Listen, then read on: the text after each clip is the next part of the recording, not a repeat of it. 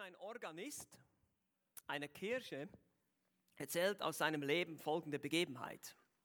Der Organist erzählt, nachdem er oder nachdem ich zwölf Jahre Organist war in einer Kirche, habe ich die fast, fast unverzeihliche Tat begangen. Ich habe den Ostersonntagmorgen verschlafen. Der Ostergottesdienst war angesagt um 6.30 Uhr in der Frühe. Also nur für diejenigen, die sich beklagen, manchmal, dass sie schon um 9 hier sein müssen. 6.30 Uhr war der Gottesdienst. Und es war 6.31 Uhr, als das Telefon klingelte beim Organisten zu Hause. Und er natürlich hat Hörer abgehoben und der Pastor war dran und hofft, dass er schon auf dem Weg wäre. Nun, der Organist sagt, naja gut, es war nicht so schlimm, weil ich wohne gerade zehn Minuten von der Kirche entfernt, also dauert es nur zehn Minuten, dann saß ich einsatzbereit an der Orgel.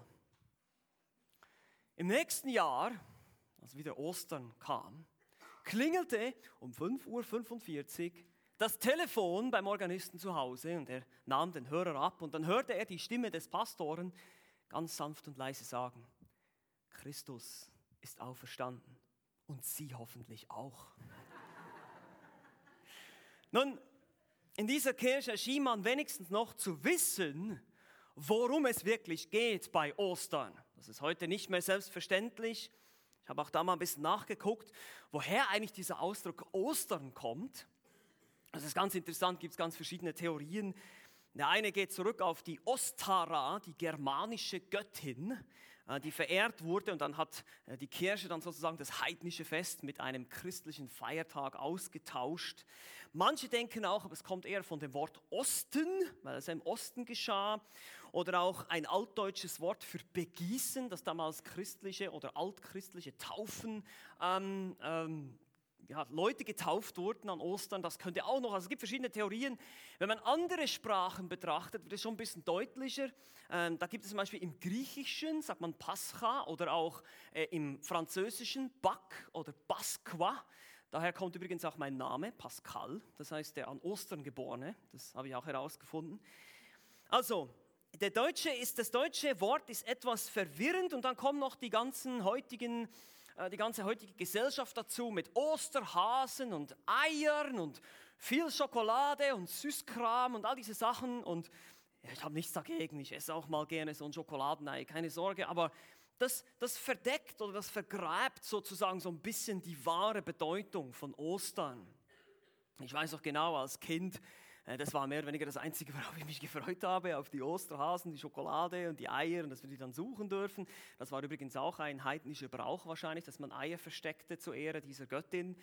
Also, dieses Osterfest, das wir heute haben, das verdeckt eigentlich so ein bisschen die wahre Bedeutung, um was es eigentlich geht. Nun, wir haben es heute Morgen schon gesungen, wir haben heute schon davon gesprochen. Bei Ostern geht es eben nicht um Hasen, es geht nicht um Eier, es geht um die Auferstehung Jesu Christi, und zwar die leibliche Auferstehung Jesu Christi. Nun, die Frage ist, warum ist es so wichtig, dass wir als Christen oder auch wenn du hier bist heute als Gast, als Nicht-Christ oder noch nicht Christ, dass du an die Auferstehung Jesu Christi glaubst. Kann man denn nicht auch Christ sein, ohne an die Auferstehung zu glauben? Das scheint ihm, dass er gestorben ist, das kann ich mir noch vorstellen. Weil wir können ja auch alle sterben, wir werden auch alle sterben. Aber dass er auferstanden ist, dass er von den Toten zurück, der war vielleicht nur scheintot oder vielleicht irgendwie im Koma oder irgendwie sowas. Da gibt es die wildesten Theorien, aber das ist alles unhaltbar. Wir haben es schon am Freitag gehört, die Römer waren Experten darin festzustellen, ob jemand wirklich tot war. Und Christus war tot am Kreuz und er wurde in dieses Grab gelegt. Es kann also nicht sein, es gibt zu viele Augenzeugen von der Auferstehung. Wir haben es heute Morgen schon gelesen in 1. Korinther 15. Wir lesen von diesen Augenzeugen, von den Aposteln, von den 500 Brüdern, die ihn alle auf einmal gesehen haben. Und selbst die ganze Schrift, die Bibel lehrt das ganz deutlich. Christus lehrte seine eigene Auferstehung. Die Apostel lehrten es, das Alte Testament prophezeite es, in Psalm 16 zum Beispiel.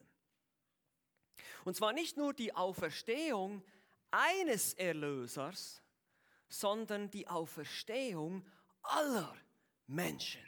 Und das ist der spannende Teil. Es ist nicht nur die Auferstehung des einen Erlösers, Jesus Christus, sondern es ist die Auferstehung aller Menschen. Wir alle, du und ich, wir werden, nachdem wir gestorben sind, auferstehen. Ob wir das wollen oder nicht. Du wirst auferstehen eines Tages. Die Frage ist nur, wofür wirst du auferstehen? Weil es gibt zwei Möglichkeiten. Entweder den ewigen Himmel, die ewige Freude, oder die ewige Verdammnis, die ewige Hölle. Da wirst du auch ewig leben, aber ewig leiden. Aber du wirst so oder so ewig leben, in dem Sinne existieren. Wenn man die Existenz in der Hölle als Leben bezeichnen könnte, kann man nicht. Und deshalb ist die Verkündigung des Evangeliums der guten Nachricht von Jesus Christus so entscheidend. Jesus Christus ist gestorben am Kreuz. Das haben schon sicherlich viele gehört. Wir reden oft davon, Christus ist gestorben. Warum? Weil wir Menschen alle Sünder sind. Was bedeutet das, ein Sünder zu sein? Ein Sünder zu sein bedeutet, dass man die Gesetze Gottes gebrochen hat. Dass wir nicht so sind wie Gott. Gott ist vollkommen, Gott ist heilig, er ist absolut heilig und gerecht. Und wir, wir sind es leider nicht, seit Adam und Eva. Und so gab er den Israeliten die Gebote. Zum Beispiel das erste Gebot. Du sollst keinen anderen Gott neben mir haben. Nun, wir alle haben das Gebot sicherlich schon gebrochen, weil wir lieben Gott nicht immer so in dieser einen vollkommenen Art und Weise, wie wir sollten. Oder nehmen wir mal das Gebot, du sollst nicht töten. Vielleicht denkst du, ja, ich bin doch gar kein so schlechter Mensch. Ich habe noch keinen Menschen getötet. Doch hast du. Jeder von uns hat schon einen Menschen getötet, behaupte ich. Weil die Bibel macht deutlich, dass schon der, alleine der Hassgedanke gegenüber einem anderen Menschen in Gottes Augen wie Mord ist. Also du bist ein Mörder, du bist ein Götzendiener. Dann steht hier auch noch, du sollst nicht lügen. Wir denken vielleicht, okay, das, das habe ich nicht gemacht. Ich sage immer die Wahrheit. Nun, wie sieht es mit Notlügen aus? Oder mit den sogenannten weißen Lügen. Das ist ein Ausdruck, den es gibt, da habe ich auch Nachforschung gemacht. Das ist eine Lüge, damit man jemand anderen dienen kann.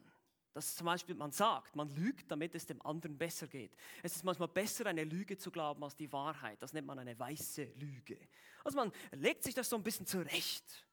Ja, und das ist dann auch Lügen. Und das ist auch Sünde. Also wir sehen, wir alle haben gesündigt. Wir alle verdienen den Tod, gemäß der Schrift. Gott ist ein gerechter Richter und sagt, ich muss das Böse bestrafen.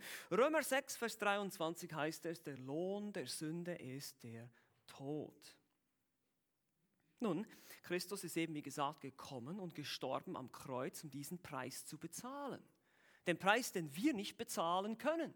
Ich kann nicht für meine eigene Sünde bezahlen. Doch kann ich, wenn ich ewig in der Hölle bin. Aber wenn ich frei sein möchte, dann muss jemand anderes für mich einspringen und bezahlen. Das hat Christus getan. Aber er ist nicht nur gestorben. Und jetzt kommt der wichtige Punkt, das ist Ostern.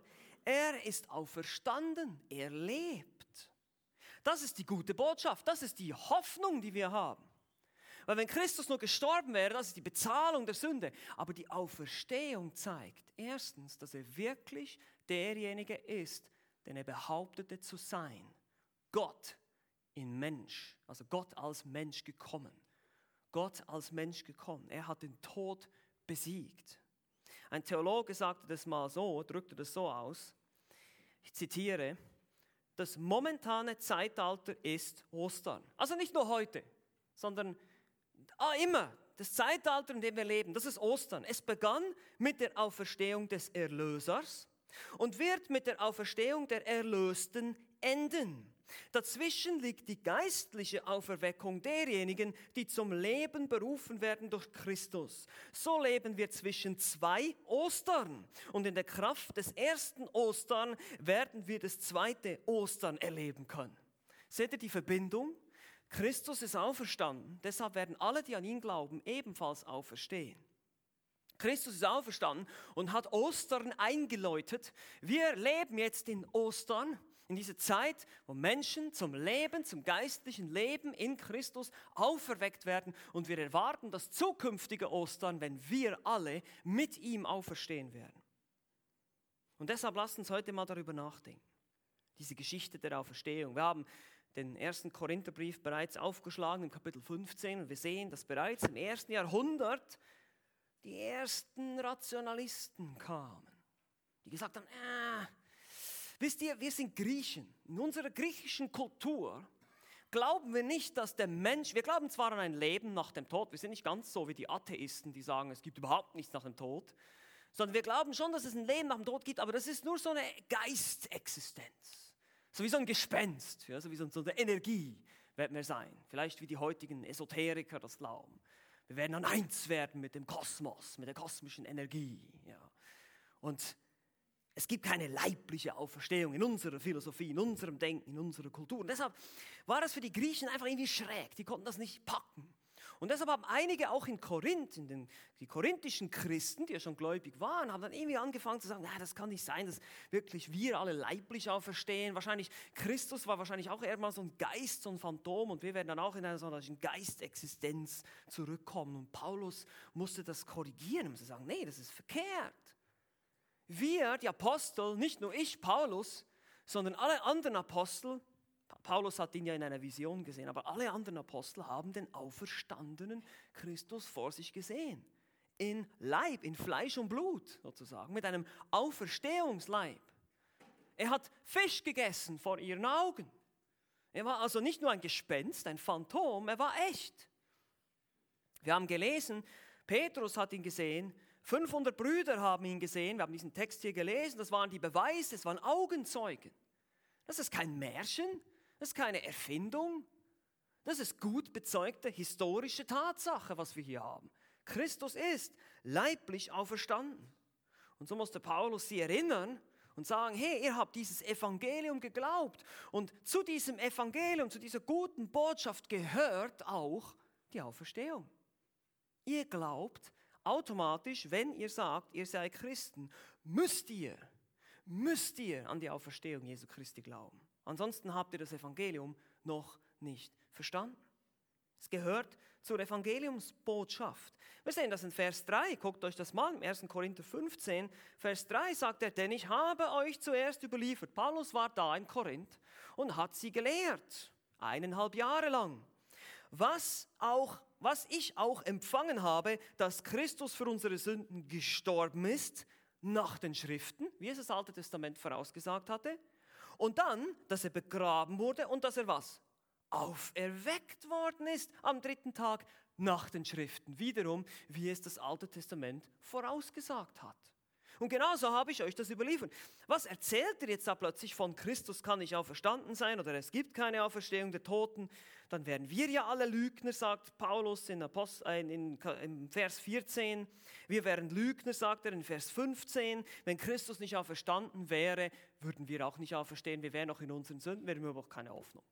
Es wäre alles vorbei, es wäre alles umsonst. Aber weil Christus auferstanden ist, haben wir diese Hoffnung. Und das wollen wir jetzt noch gemeinsam betrachten in den Versen 20 bis 22. Verse 20 bis 22. Hier heißt es, nun aber, nachdem er dieses ganze Argument gibt, warum es nicht sein kann, dass Christus nicht auferstanden ist, nun aber ist Christus aus den Toten auferweckt, der Erstling der Entschlafenen. Denn da ja durch einen Menschen der Tod kam, so auch durch einen Menschen die Auferstehung der Toten. Denn wie in Adam alle sterben, so werden auch in dem Christus alle lebendig gemacht werden. Das ist sehr interessant hier.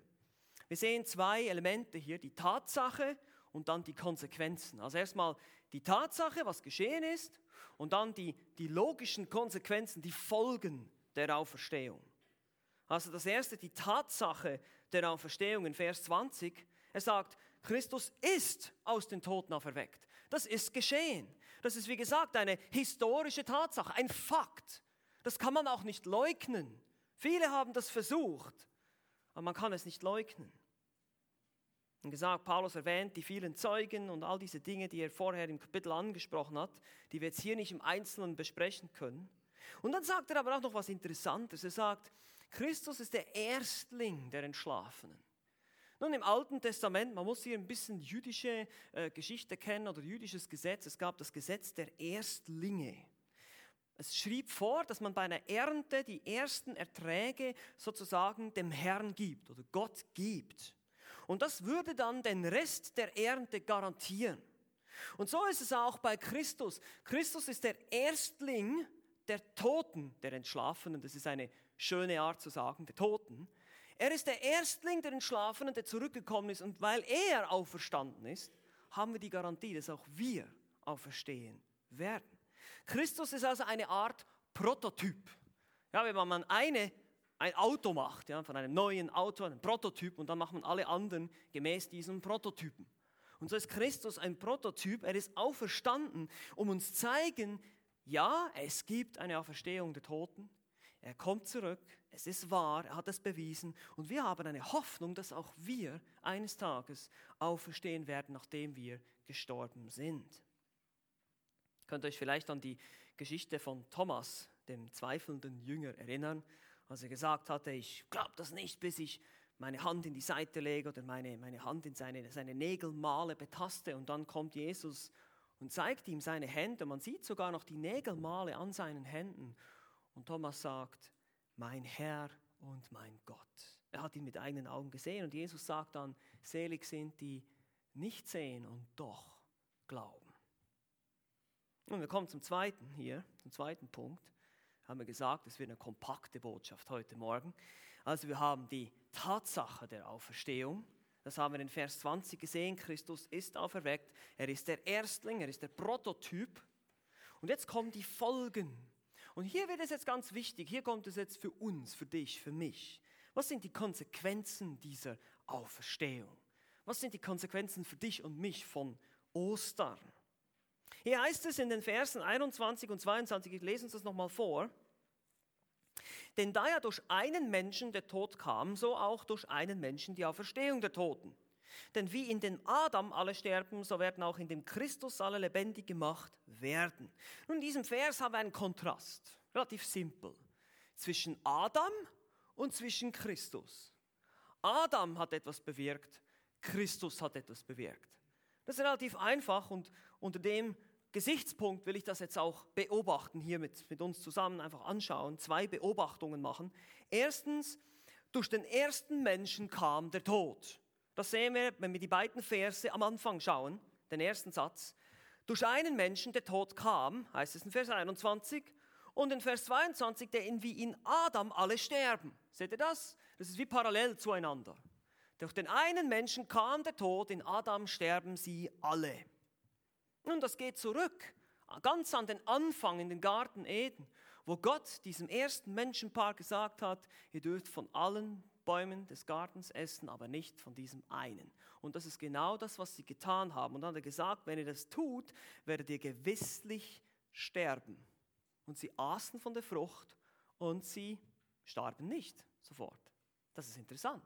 Nun, sie starben geistlich. Sie wurden geistlich von Gott getrennt und starben dann, ja, kurz danach kann ich nicht sagen, 900 Jahre später. Adam hat noch relativ lange gelebt. Aber sie starben. Das ist der Punkt hier, den ich machen will.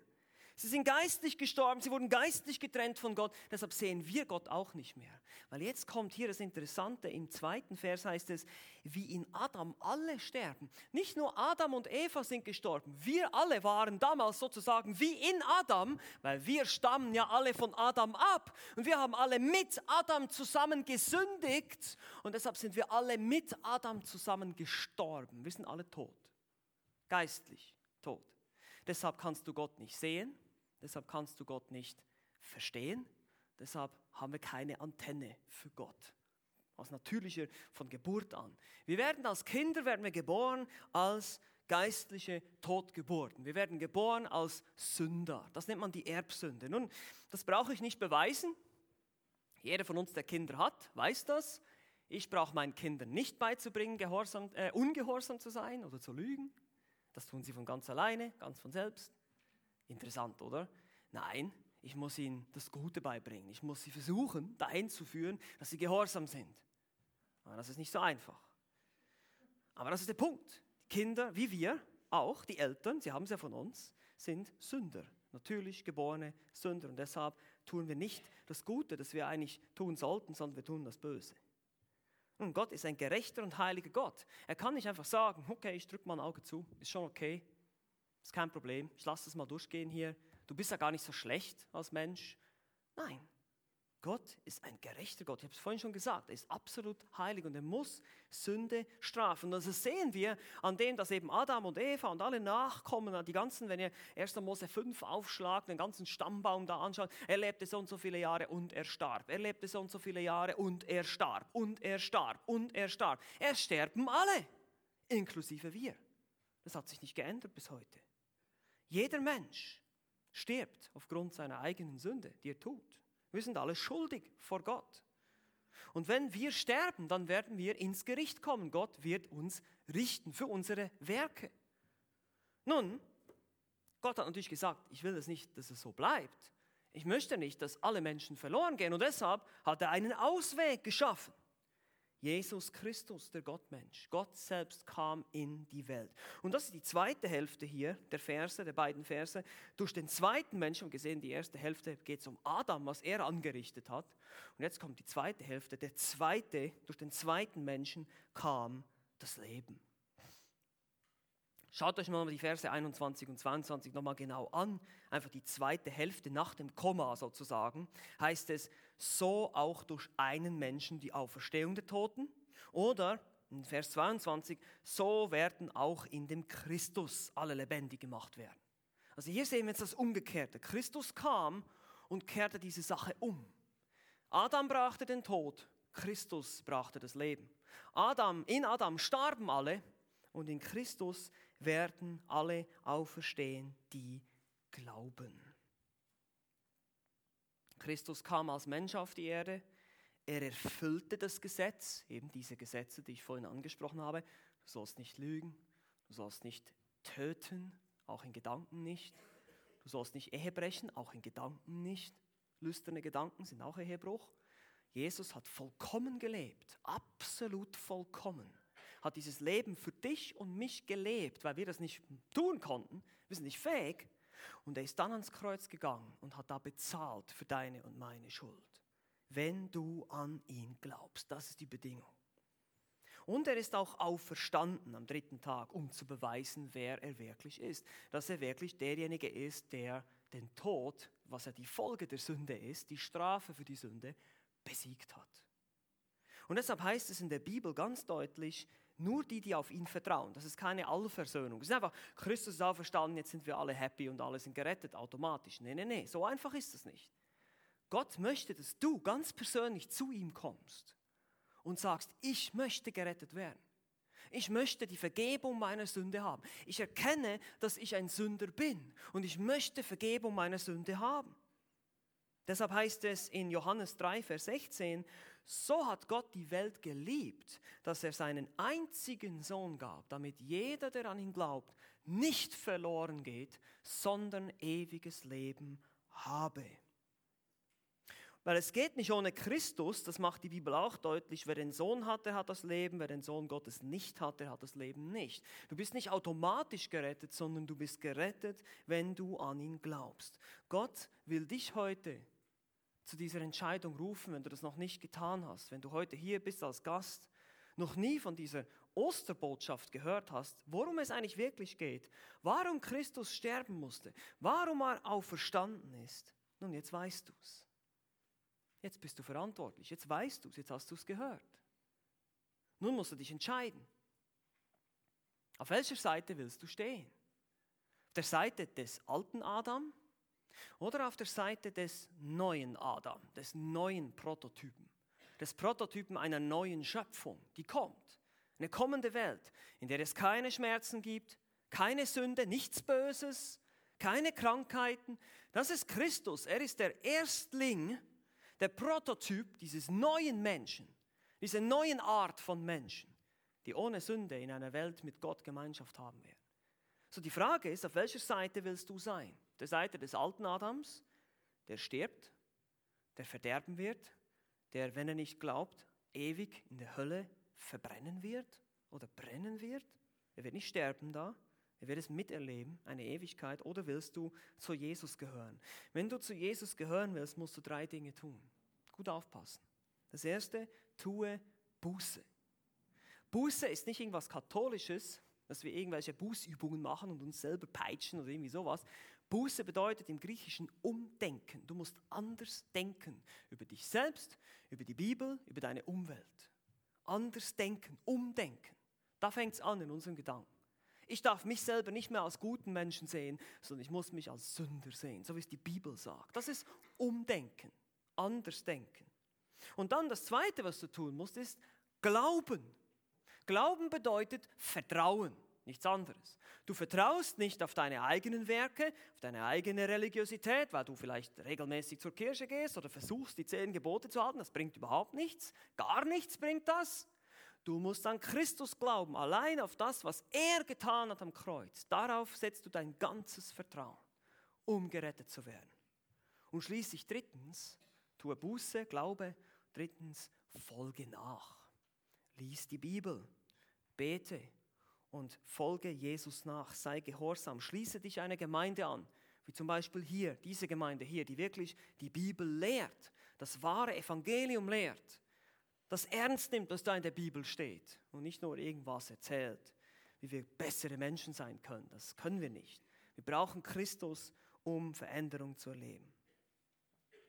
Und wenn du wirklich Christus liebst, dann wirst du ihm auch so nachfolgen. Und deshalb, ich bitte dich einfach, wenn du heute hier bist als Gast, überlege dir das, denke darüber nach, sprich jemanden von uns an. Wir sind offen für Gespräche, wir möchten gerne mit dir ins Gespräch kommen wir möchten, dass du das wahre Ostern erleben kannst, hier und heute. Amen. Lass uns gemeinsam beten nochmal. Herr Jesus Christus, wir danken dir, dass du gekommen bist auf diese Welt, dass du gestorben bist am Kreuz auf Golgatha. Du hast diese Strafe auf dich genommen, die uns hätte treffen sollen. Und danke, dass du auferstanden bist am dritten Tag nach den Schriften, wie wir es gelesen haben jetzt gerade im 1. Korinther 15. Danke, dass wir darauf vertrauen dürfen, dass das wahr ist, dass das historische Tatsachen sind, dass es keine erlogenen Märchen sind und dass wir die Auferstehungskraft, die wir glauben, die wir die erleben dürfen in unserem eigenen Leben, wie du Veränderung wirkst in uns. Ich bitte für diejenigen, die heute hier sind, das zum ersten Mal gehört haben, dass du dich über sie erbarmst, ihnen hilfst, ihnen die Augen öffnest für deine Wahrheit, dass sie dich erkennen können, dass du sie liebst und dass du sie retten möchtest. Du bist ein Rettergott, Herr. Du willst nicht, dass Menschen verloren gehen. Du möchtest, dass Menschen zur Erkenntnis der Wahrheit kommen und Vergebung ihrer Sünde erfahren dürfen. Danke, dass du ein so großer, barmherziger und gütiger Gott bist. Wir preisen dich in Jesu Namen. Amen.